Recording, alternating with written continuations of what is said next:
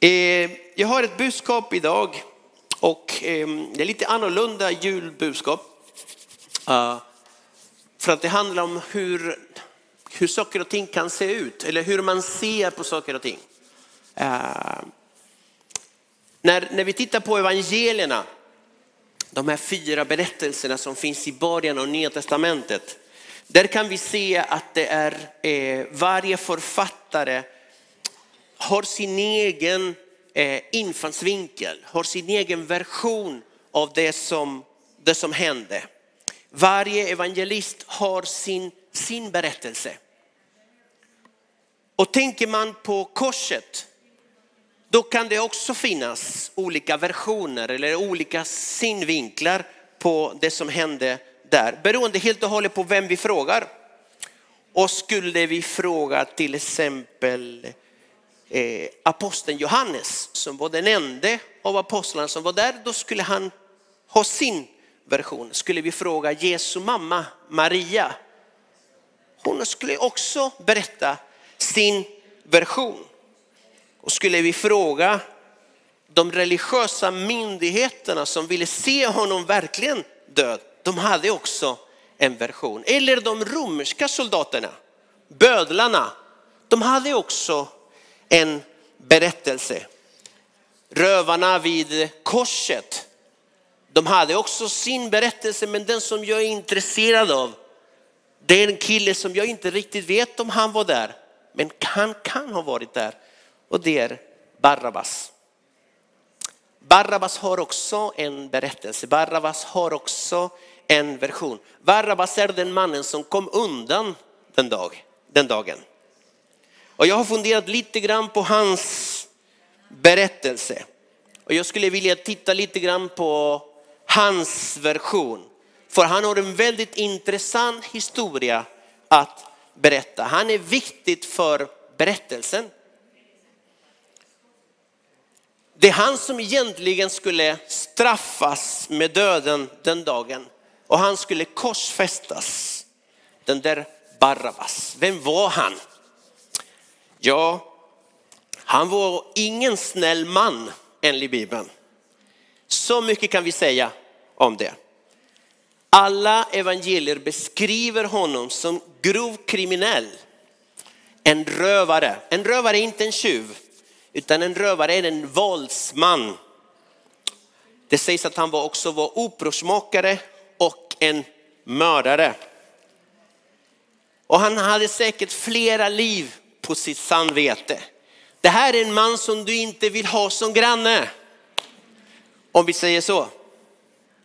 Och vi ska börja läsa om honom lite grann i Markus evangeliet kapitel 15. Där det står så här, 15 och 7. Kapitel 15 och vers 7. Där fanns nu en man som hette Barabbas.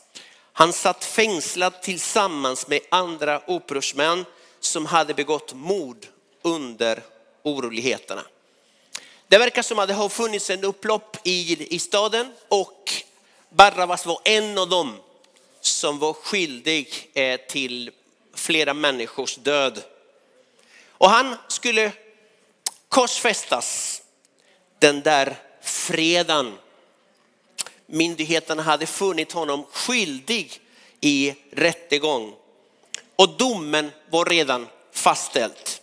Och eftersom det, det systemet de hade var så att eh, den som var skyldig av det brottet skulle dödas eh, genom korsfästelse. Det var tre stycken som skulle korsfästas den dagen. Tre, inte tjuvar, utan rövare. Eh, romarna korsfäste inte tjuvar, utan de korsfästes upprorsmakaren. Och meningen med det här det var att, att det var avskräckande exempel. Om ni gör sådär, då ska ni hamna där. Ungefär så var det. Eh, och det är ingen som ville hamna där på korset. Eh, och i Bibeln står så här i, i Markus 15 också, tillsammans med honom, alltså med Jesus, korsfäste man två rövare. Den ene på den högra sidan och den andra på hans vänstra. På den tiden i Israel det fanns en hel del nationalistiska rörelser som gjorde uppror mot den romerska ockupationen. Och de använde sig av våld och sabotage för att revoltera mot romarriket. Seloterna var den mest kända gruppen. Och på grekiska, ordet selot betyder en som visar religiös iver.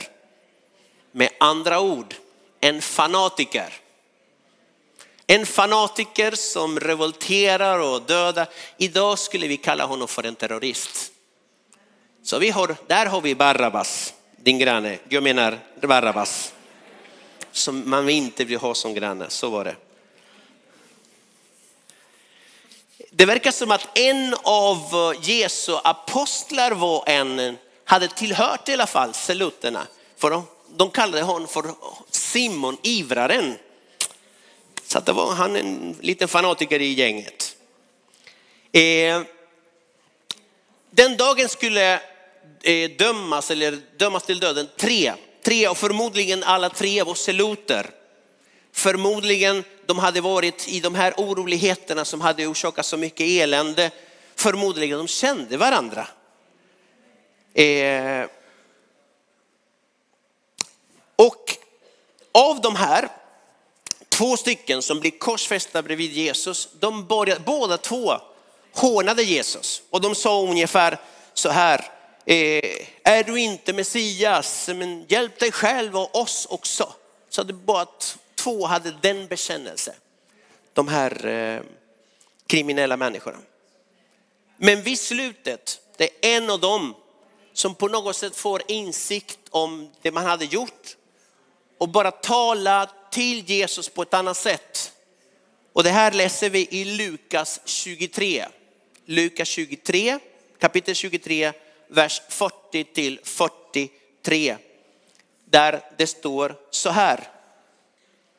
Men den andre tillrättavisade honom och sa, fruktar inte heller du Gud, du som är under samma dom. Vår dom är rättvis. Vi får vad vi har förtjänat, men han har inte gjort något ont. Och han sa, Jesus, tänk på mig när du kommer till ditt rike. Jesus svarade, amen säger jag dig, idag ska du vara med mig i paradiset. Den där var bra. Ja, men tänk, tänk, tänk att en man som har tappat allt, tappat hoppet och innan, innan döden ska inträffa kommer man med den frågan. Kom ihåg mig. Kom ihåg mig. Och Jesus säger, jajamän. Han sa inte så, men något liknande du ska vara med mig i paradiset. Eh, Barabbas, om vi kommer till, till honom, han visste att det var hans sista dag på jorden. Det visste han. Han visste att hans tid hade runnit ut och att han inte skulle få se morgondagen. Och då undrar jag, hur känner man sig då? När man vet att min sista dag är kommen. Hur kändes natten innan? Hade han sovit någonting? Vad kände han när han vaknade på morgonen, när han åt sin sista måltid? Han visste att det fanns ett kors som var upprest och väntade på honom. Tiden var inne och de romerska soldaterna, fångvaktarna kommer för att hämta alla dessa tre dödsdömda. Men då händer något som är konstigt. Soldaterna separerar fångarna och de börjar leda Barabbas på en annan väg. Han kommer inte att komma till Golgata kullen, avrättningsplatsen, utan de leder honom till den romerska pretoriet som är landshövdingens palats. Och det där var inte vanligt. Barabbas förstår inte riktigt vad det är som pågår, men, pågår, men helt plötsligt han bara kastas in. och ställs inför en mycket agiterad och oprorisk skara. Och det enda han ser är att bredvid honom finns en man som har blivit svårt misshandlad. Jag vet inte om Barabbas hade, kände igen Jesus, men han hade säkert hört talas om honom för att alla i Israel hade hört talas om Jesu tecken, under och tecken. Framförallt i Jerusalem. En hel del trodde att han var profet, andra påstod att han var Messias, den frälsare som alla väntade på. Men nu kommer det mest bizarra som Barabbas har någonsin upplevt i hela sitt liv. För när han ställs inför den här upphetsade folkskaran, då säger den romerske prokonsul Pontius Pilatus och ställer frågan till publiken, till skaran, vem ska korsfästas den dagen? Så att valet ligger mellan en beryktad mördare och upprorsmakare och sen någon som många tror är en profet. Så tänkte han, ja nu är det kört. Och då händer det. Då händer det, konstiga, då händer det bizarra. Det är att alla börjar ropa hans namn. Befria Barabbas. Det här läser vi i Matteus 27. Matteus kapitel 27, vers 20 till 22.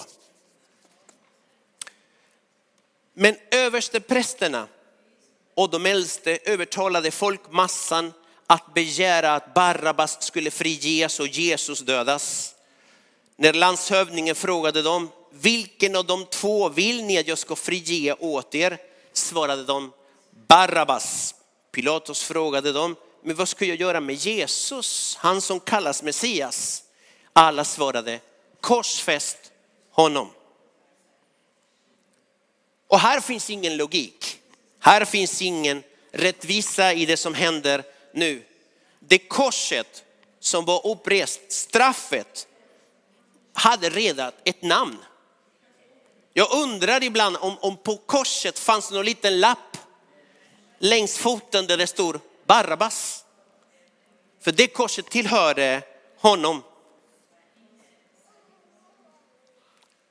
Och nu kommer de romerska myndigheterna tillsammans med de religiösa myndigheterna i Jerusalem genom ett politiskt spel att befria en skyldig man för att straffa en oskyldig man.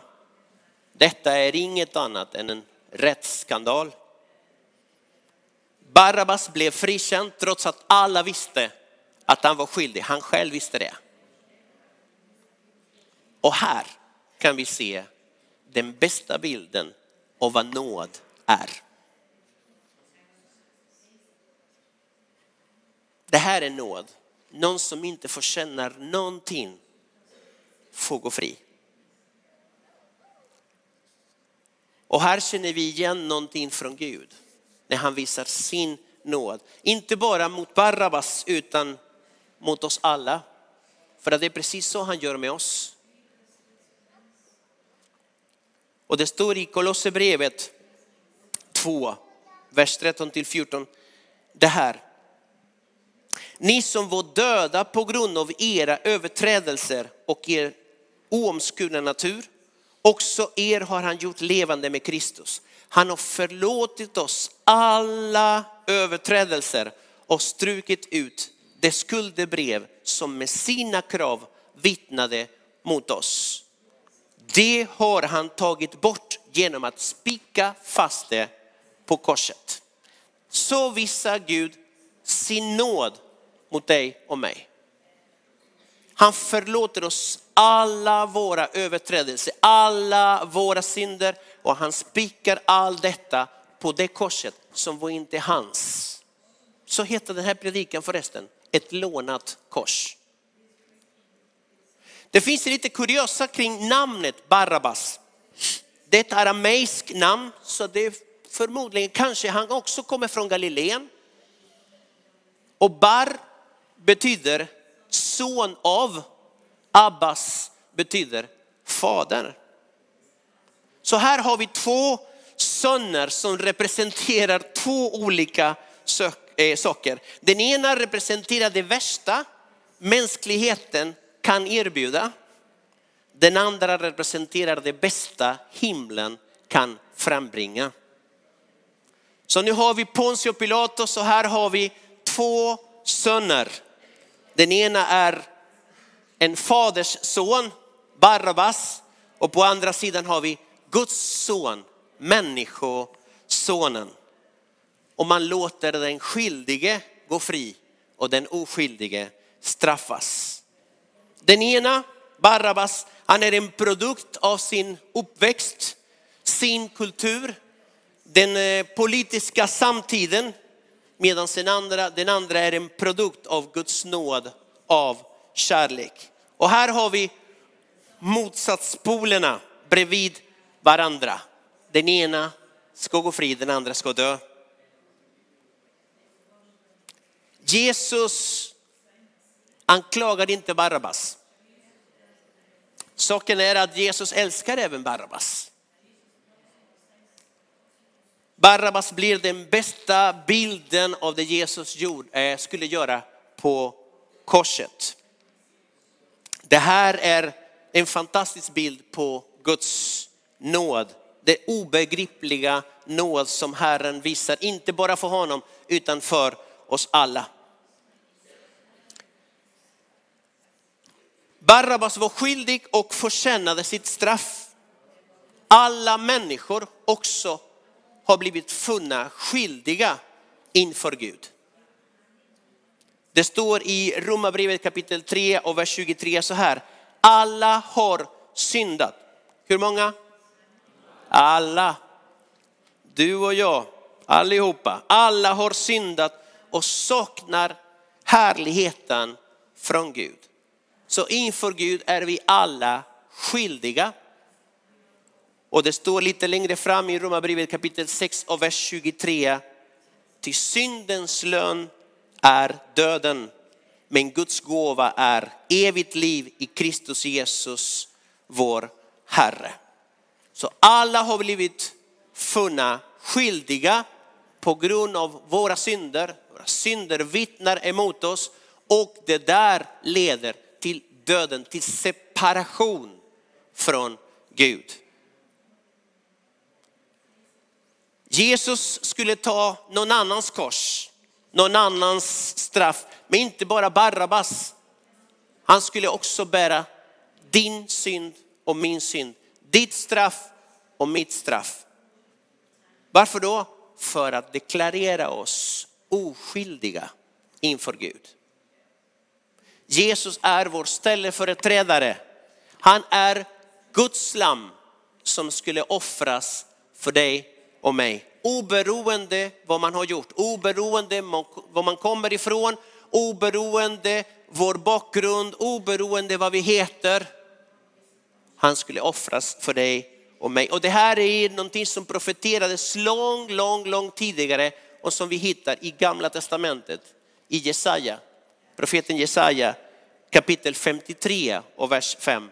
Där det står så här. Han var genomborrad för våra överträdelsers skull. Slagen för våra missgärningars skull. Straffet var lagt på honom för att vi skulle få frid och genom hans sår är vi helade. Tänk att när det blev den dagen, det var hans värsta dag, det blev den bästa dagen för dig och mig. Den bästa dagen för mänskligheten. Nu finns det förlåtelse för varje människa. Nu finns det nåd för varje människa. Nu finns det evigt liv för varje människa. Nu finns det gemenskap, ett erbjudande till gemenskap för varje människa. Oberoende vad som ligger bakom oss. Så att om det finns en dag som du känner att jag vet inte riktigt om Gud älskar mig. Det enda du behöver tänka på, det är korset. För att där ser vi hans kärlek som bäst. En sista bön från det korset. Den vackraste av alla böner. När han säger så här i Lukas 23, 34. Fader, förlåt dem, för de vet inte vad de gör. Och där ber han inte för Pontius Pilatus eller för bödlarna eller för de religiösa som ville se honom död eller för apostlarna som sprang iväg och förrådde honom. Utan också han gjorde det för dig och mig. Förlåt dem. För de vet inte vad de gör. De vet inte vad de säger nej till. De vet inte. Och där har vi, eh, det var någon som skrek amen och halleluja det var bra. Eh, det är att ha så tillräckligt med närvaro mitt i det där lidande. Att uttala frälsningsord till någon bredvid. När han försiktig, med en liten försiktig undrar, kan du tänka på mig när du kommer i ditt rike? Med andra ord, finns det plats för någon som mig i ditt rike? Finns det? Och Jesus, såklart, du ska vara med mig i paradiset. Han kommer alltid att säga en sak till varenda en som lite försiktigt kommer närmare Jesus och är, när någon säger, finns det plats för mig? Och han kommer alltid säga, i min faders hus finns det många rum. Det finns plats för dig. Det som hände där på korset blev kärnan i vårt budskap. Utan det korset, utan det som Herren gjorde på korset, kristendomen har inget annat att erbjuda. En kristendom utan det Jesus gjorde på korset är inget annat än en religion till i världen. Men han skaffade frälsning till oss alla just där. Korset är inte en maktredskap för att kuva andra människor, andra som tror annorlunda. Korset är en kärleksredskap som visar vad Gud var beredd att betala för dig och mig. Hur gick det för Barabbas förresten? Någon har skrivit någon bok och sådär, men Bibeln säger inte mycket om det.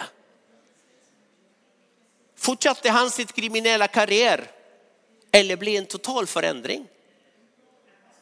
Man kan spekulera och det vet man inte med säkerhet. Men en sak vet jag, att han kan inte glömma den dagen. Det han visste var hans sista dag. Och sen fick han gå fri därifrån. Omöjligt att glömma en sådan dag.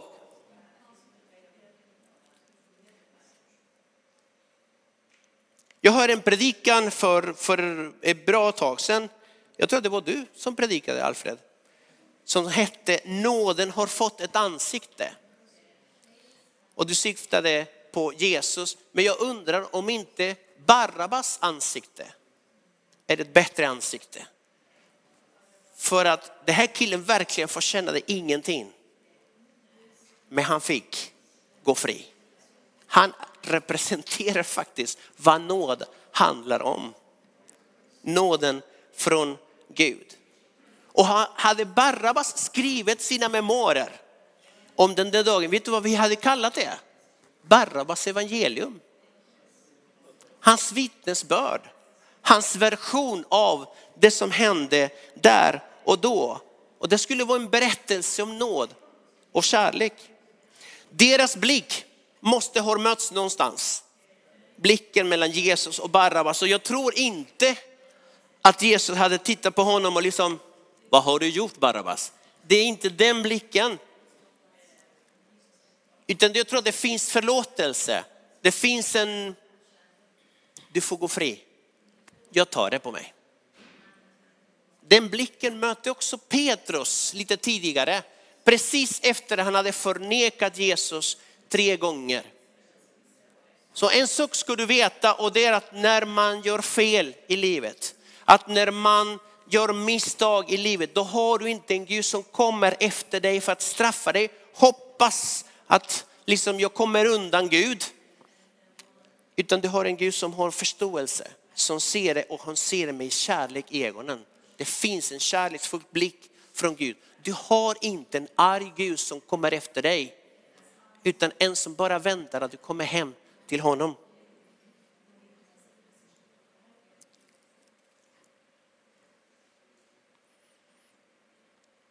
Varför gjorde Jesus allt det här? Varför tog han sig besväret att gå till korset för min skull? Den här frågan hade jag för många, många år sedan. Då var jag 19 år.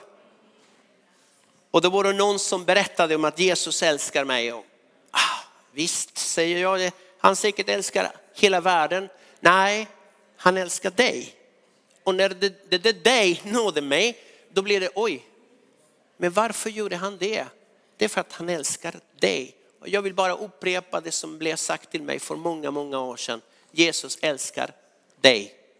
Han älskar inte våra hela världen, utan han älskar framförallt dig. Det är personligt.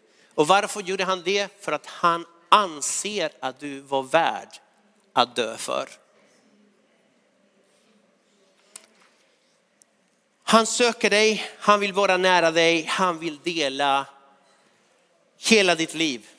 Han vill dela sitt liv med dig. Du är sökt utav Gud. Vi som är här och också även de som följer oss online. Gud vill vara nära dig, ha en relation med dig så att du kan också få uppleva det som Barabbas fick uppleva. Jag hoppas att det som hände med Barabbas fick honom att tänka. Jag hoppas att långt senare när han får se det som hände med de troende, Jesu anhängare, att de börjar prata att Jesus lever. Och att evangelium predikas först i Jerusalem, sen i hela Judeen och Samarien. Och varje gång han hör budskapet predikas då hör han också sitt eget namn. För att han visste en sak, att Jesus dog inte bara på ett kors, utan det var på hans kors. Jag hoppas att det hjälpte honom att lyfta blicken och söka förlåtelsen av Gud. Och jag hoppas också att det här budskapet hjälper dig också att finna Jesus. Skulle vi kunna göra så här att vi blundar en liten stund vi böjer våra huvuden. Och du som känner att jag vet inte vilket, på vilket avstånd man befinner sig. Jag vet inte om du har haft en relation med Gud men det var för länge sedan och du befinner dig långt borta från honom. Jag vet inte om du har hört om honom och mer och mer nyfikenheten förvandlas till ett hopp. Jag skulle vilja bara be en bön för dig. Herre Jesus, vi, vi tackar dig för din oförtjänta nåden. Tack min Gud för att det finns nåd för varje människa. Om det, finns, om det fanns för Barabbas så finns det också för oss. Tack min Gud för att du söker oss, var och en. Du söker oss min Gud. Tack gode Gud för att du vill komma nära oss, inte bara nära utan du vill komma in i våra liv och dela, dela livet med oss. Jag ber att du hjälper oss Herre, att under det här julen, att vi får lämna våra liv i dina händer. Jag ber för den som kämpar just nu min Gud. För den som kämpar med olika saker, kom Herre. Kom med hopp, kom med ljus, kom med kärlek, kom med din nåd. Tack Herren för allt vad du gjorde för oss på det korset, på ett lånat kors. Vi ber så i Jesu underbara namn. Amen.